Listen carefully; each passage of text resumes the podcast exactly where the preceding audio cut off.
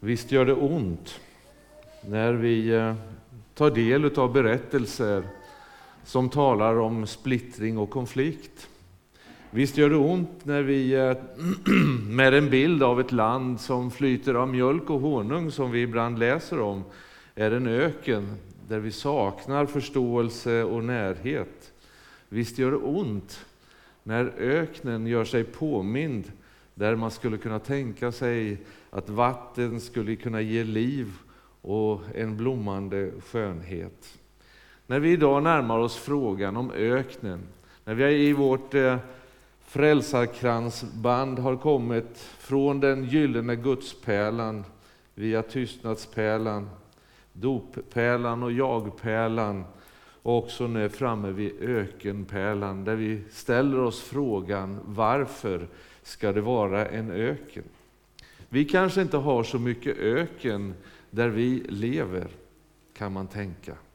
Men nu pratar vi kanske inte om det landet eller det landskapet som saknar nederbörd. I vår kyrka idag vill vi också uppmärksamma öken som kan prägla människors liv. Livets öken. Och vi ska läsa med varandra ifrån Matteusevangeliets fjärde kapitel, en berättelse om Jesus. Och vi står upp och tar emot evangeliet ifrån Matteus, det fjärde kapitlet, från den första versen och de elva följande. Jesus frestas. Sedan fördes Jesus av anden ut i öknen för att sättas på prov av djävulen. När han hade fastat i 40 dagar och 40 nätter blev han till slut hungrig. Då kom frestaren till honom och sa, om du är Guds son, befall då att de här stenarna blir bröd. Jesus svarade, det står skrivet, människan ska inte leva endast av bröd, utan av varje ord som utgår ur Guds mun. Sedan tog djävulen honom med sig till den heliga staden och ställde honom högst uppe på tempelmuren och sa, om du är Guds son, kasta dig ner. Det står ju skrivet, han ska befalla sina änglar och de ska bära dig på sina händer så att du inte stöter foten mot någon sten. Jesus sa, det står också skrivet, du ska inte sätta Herren din Gud på prov. Nu tog djävulen med honom med sig upp på ett mycket högt berg och visade honom alla riken i världen och deras härlighet och sa, allt detta ska jag ge dig om du faller ner och tillber mig. Då sa Jesus till honom, gå din väg, Satan. Det står ju skrivet, Herren din Gud skall du tillbe och endast honom skall du dyrka. Då lät djävulen honom vara och änglar trädde fram och betjänade honom. Varsågod och sitt.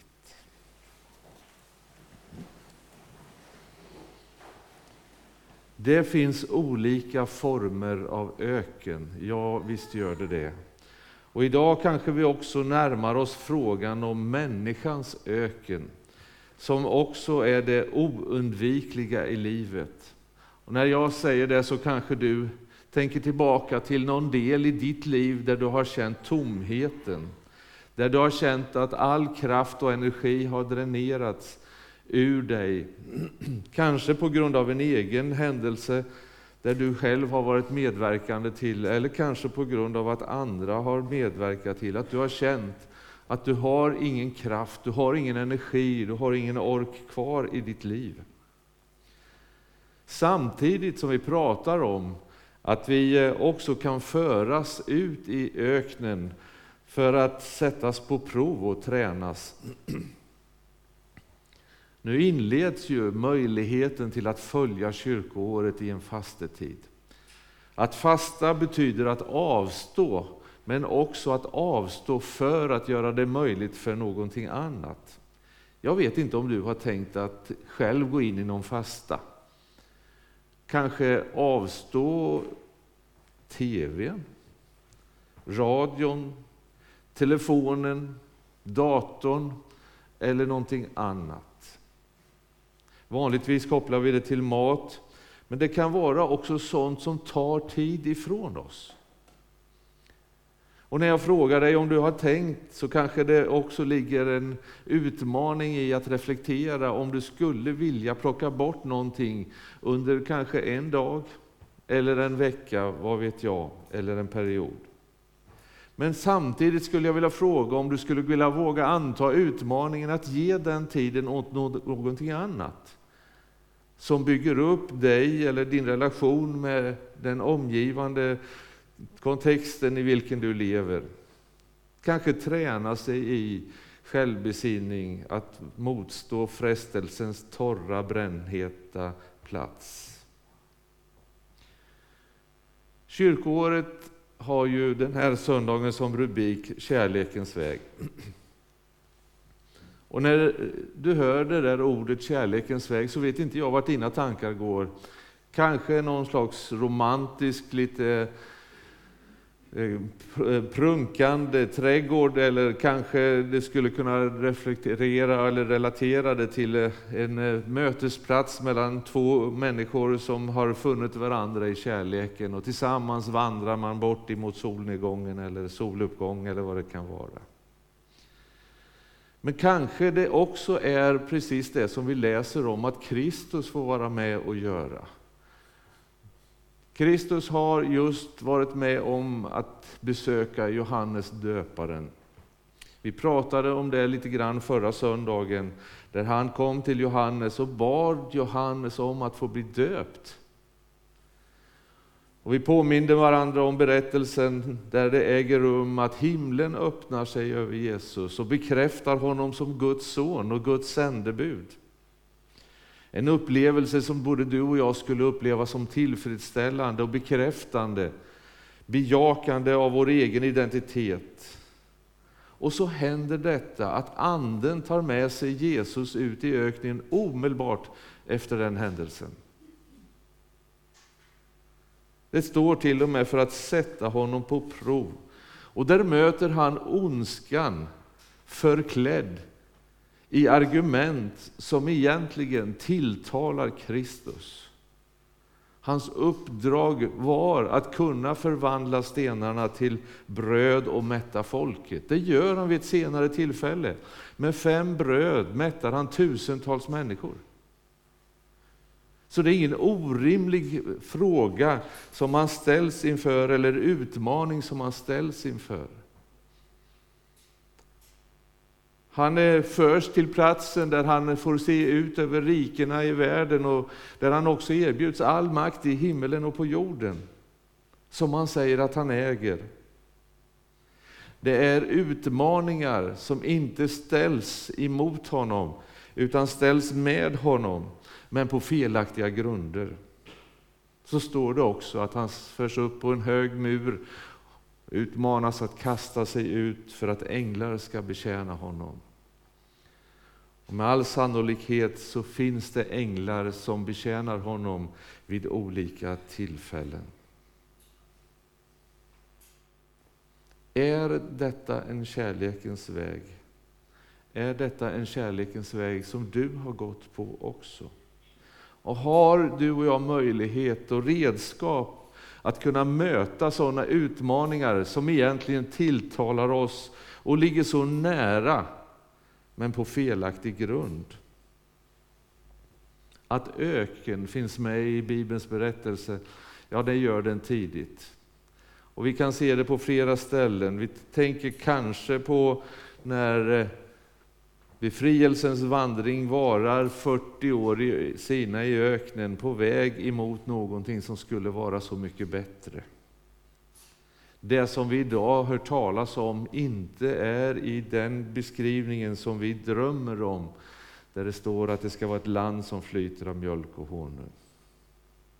I öknen får Mose ta emot de tio, lag, de tio budorden och bära det till folket för att hjälpa dem ur sin egen livsöken. Johannes döparen går ut och ställer sig i öknen för att predika sitt sträva budskap om omvändelse, bättring och en väg tillbaka till livet. På olika sätt predikas evangeliet. Att söka sitt eget jag, att söka det äkta livet. Men vad gör öknen med oss när vi förs ut i vår livsöken? Ja, en sak som är alldeles säker, den ställer frågan om vad som är absolut nödvändigt i ditt och mitt liv. I öknen avkläds vi alla de måsten som vi tror att vi behöver att leva med. Vad är det du skulle ta med dig ut i öknen? Är det platt-tvn? Är det datorn? Är det telefonen? Eller vad skulle du ta med dig? Jag tror att de allra flesta av oss skulle ta med oss vatten. Det absolut nödvändigaste. Kanske något bröd att mätta sig med vid tanken på att man kan bli kvar där. Och så skulle man kanske också kunna tänka sig att där speglas mitt eget jag inför de viktiga frågorna. Varifrån kommer jag? Vem är jag? Och vad är mitt mål och min bestämmelse? I öknen föds tankarna på vad som är livets viktigaste. Här ställs Kristus inför frågan, vad är det viktigaste i ditt liv? Vi kan irra runt i öknen. Eller som man brukar säga, ska man ha en karta över öknen kan man lika gärna köpa ett sandpapper. Det kan vara svårt att orientera sig. Det kan vara svårt att veta åt vilket håll man ska söka sig. Och Det kan också vara en beskrivning när man kommer i situationer av sin livsöken. Åt vilket håll ska jag söka för att finna min identitet? Och Kristus relaterar tillbaka till Guds ordet, väl förankrad i vad som står i ordet. Och det använder han själv som argument. I sitt möte med de utmaningar han ställs inför så står det, det står skrivet. Och han relaterar också till sin vägvisare, Gud själv. Gud har då sagt att vi ska tillbe honom och ingen annan. När jag som ung student mötte den här texten så fick jag göra det tillsammans med en av de stora teologerna på 90 och 2000-talets början. Eller slutet av 1900-talet ska jag väl säga. Gustav Wingren. Han som hade brottats med de här teologiska texterna, han som hade fördjupat sig i texterna. Och så läser han den här texten för oss unga studenter. Och när han kommer till slutraderna så har han svårt att hålla tillbaka alla de känslor som fyller honom vid det ögonblicket. För vad var det vi läste i slutraden? Jo, Matteus skriver att när Kristus hade genomlidit och stått pall för alla frestelser i öknen, så står det, då trädde änglarna fram och betjänade honom. Och när den gamle Gustav Wingren ska läsa de här orden så darrar han på rösten och tårarna kryper ut ur ögonvrån på honom. För han tycker att det är så stort beskrivet.